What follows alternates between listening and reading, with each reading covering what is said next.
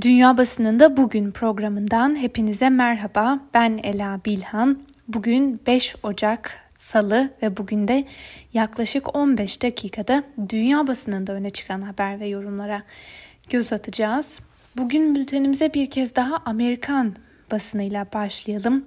ABD'de gözler bugün yapılacak ve senatodaki çoğunluğu belirleyecek olan Georgia seçimlerinde Seçimler öncesinde dün Başkan Donald Trump, Başkan Yardımcısı Mike Pence, seçilmiş Başkan Joe Biden ve seçilmiş Başkan Yardımcısı Kamala Harris eyalete giderek adaylarına destek verdi.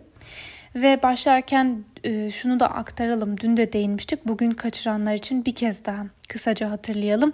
Georgia'da neden seçim şimdi yapılıyor derseniz Georgia halkı aslında 3 Kasım'da yalnızca başkan ve başkan yardımcısını değil, eyaleti temsil eden iki senatörün belirlenmesi için de sandık başına gitmişti. Ancak eyalet kanunlarına göre bir adayın seçimi kazanabilmesi için oyların en az %50'sini alması gerekiyor. Ancak Kasım'daki seçimlerde bağımsız adaylarında yarışması nedeniyle hiçbir aday %50 barajını geçememişti. Dolayısıyla seçim ikinci tura kaldı ve 5 Ocak'ta yapılmasına da karar verilmişti.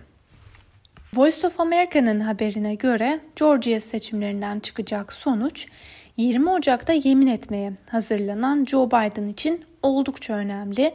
ABD Kongresi'nin üst kanadı Senato 2014 yılından bu yana Cumhuriyetçi Parti tarafından kontrol ediliyor ve Biden'ın seçim süresince dile getirdiği vaatlerini yerine getirebilmesi açısından Senato'da demokratların kontrolü elde etmesi de önem taşıyor. New York Times gazetesinin değerlendirmelerine göre Trump Georgia seçimlerini etkilemek için kişisel saldırılarını arttırırken komplo teorilerini de bir kez daha dillendirmeye başladı ve gazetenin bir diğer yorumuna göre de kongre Trump'ı yargılayarak mahkum etmeli çünkü Trump'ın bir kez daha başkan olma ihtimali gündeme gelememeli. Bu arada Cumhuriyetçi Parti Georgia'daki sandalyelerden en az birini kazanması halinde Senato'da çoğunluğu elinde tutmayı sürdürecek. Georgia'daki iki sandalyeyi de demokratların kazanması halinde ise her iki parti de 50 ile eşit üyeye sahip olmuş olacak ve bu durumda anayasaya göre aynı zamanda Senato'nun da başkanı olan başkan yardımcısı seçilen Kamala Harris oylamalarda eşitliği bozan oyu kullanabilecek. Amerikan siyaseti bugünlerde e, yine epey hareketli çünkü dediğimiz gibi bugün senatodaki çoğunluğu belirleyecek olan Georgia seçimleri yapılacak ve yarın ise yani 6 Ocak'taki ortak oturumda 3 Kasım seçimlerinin galibi Demokrat Joe Biden'ın aldığı 306 seçiciler kurulu delege oyuyla seçim zaferini onaylamak üzere bir araya gelecek. Oturum öncesinde Trump seçiciler kurulunun oyuna karşı çıkmak üzere en az 10 cumhuriyetçi senatörün ve yaklaşık 100 temsilcinin desteğini de almış durumda. Ee, ve son olarak pazar günü de Amerikan basını damgasını vuran bir gelişme yaşanmıştı. Neydi o? Washington Post gazetesi Trump'ın Georgia eyaleti yetkililerine telefonda kendisini daha fazla sayıda oy bulmaları konusunda baskı yaptığını ortaya çıkartmıştı.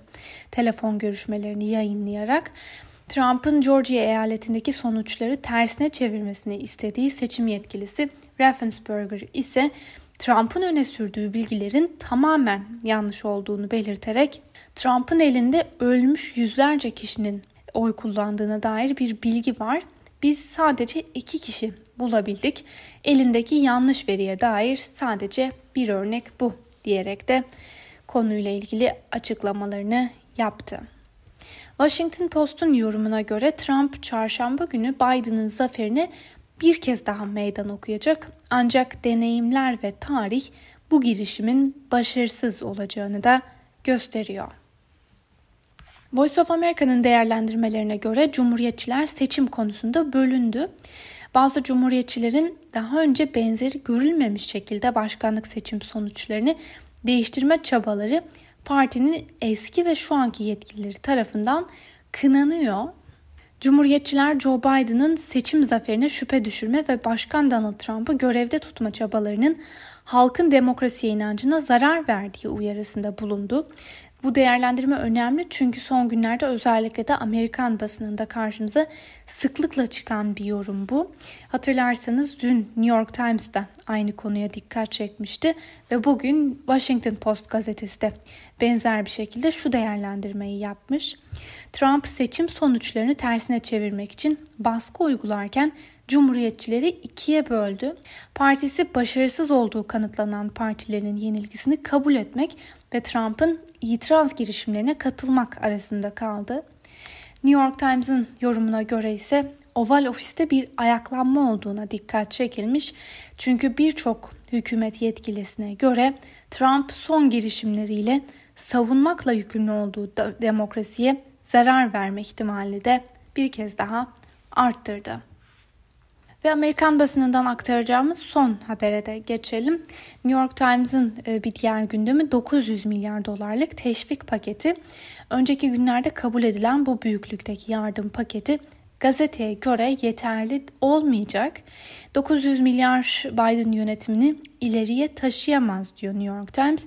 20 Ocak'ta görevi resmen devralacak olan Biden ciddi bir ekonomik kriz ile karşı karşıya olacak.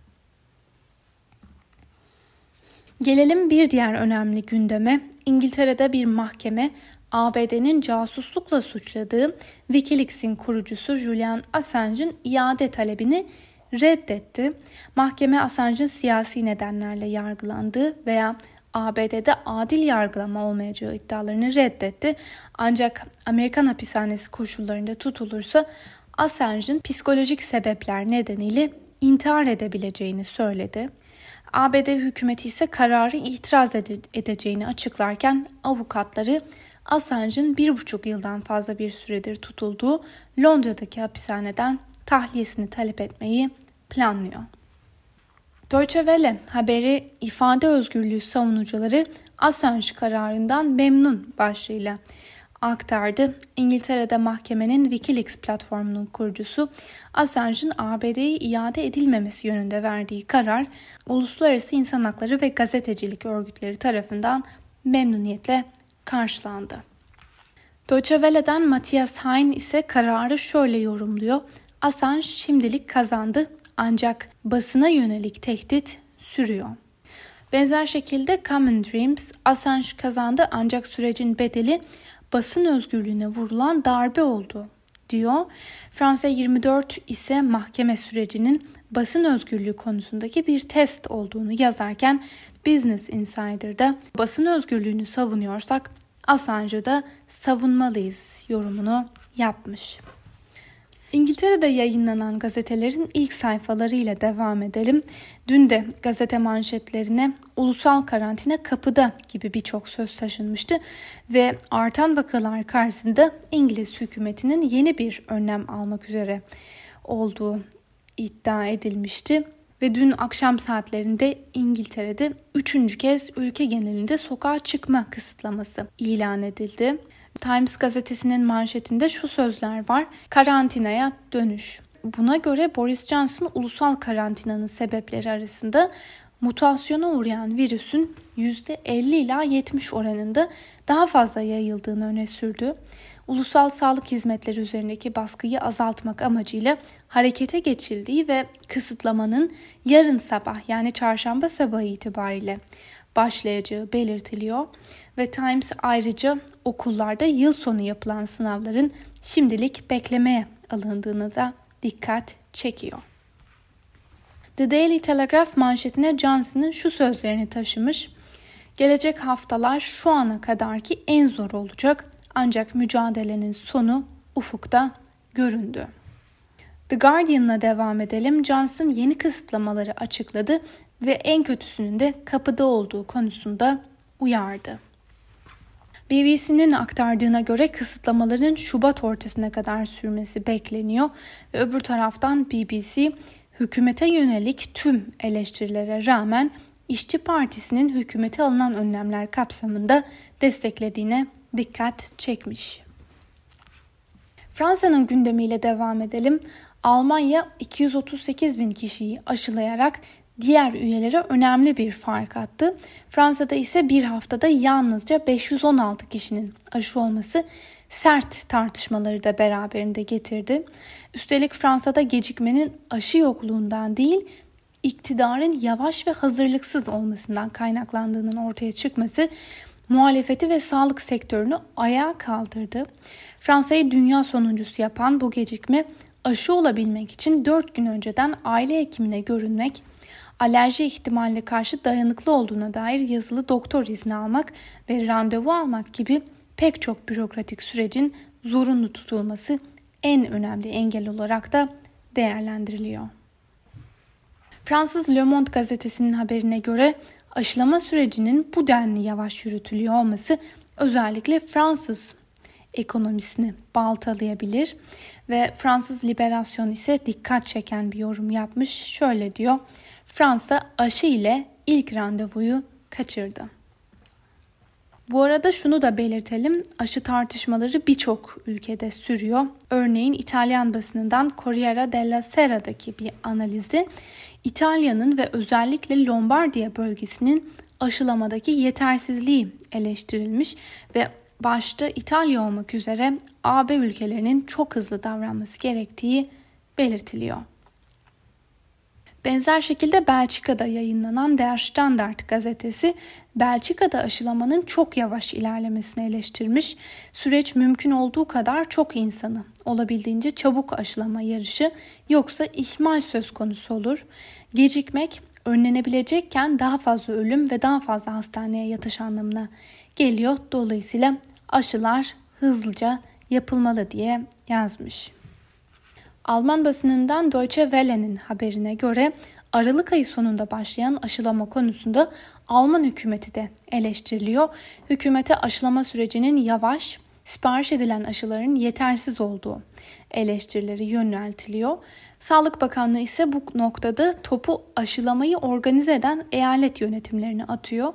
Aşılamanın hızlı ilerlememesi öncelikle huzurevi sakinlerinin aşılanmasına bağlanıyor. Öte yandan Alman hükümeti sözcüsü hastanelerdeki durumun çok ciddi olduğunu söyledi. Almanya'da 10 Ocağı kadar geçerli olan kısmi kapanma önlemlerinin bugün içerisinde uzatılması da bekleniyor. Alman basınından Die Welt'in ekonomiye e, dair aktardığı bir haberle devam edelim. Alman iş gücü piyasasında altın çağın sonu başlıklı habere göre 11,5 yılın sonunda Almanya'nın iş patlaması acımasızca engellendi. Bunun tek sorumlusu elbette korona değil. Ekonomistler istihdamdaki düşüşün arkasında farklı etkenlerin etkisi olduğu konusunda endişeliler. Öte yandan Almanya'da 2021 süper seçim yılı olarak tanımlanıyor. Ülkede hem federal seçimler yapılacak hem de bazı eyaletlerin parlamento üyeleri yeniden seçilecek. Federal meclis üyelerinin belirleneceği genel seçimler 26 Eylül'de yapılacak.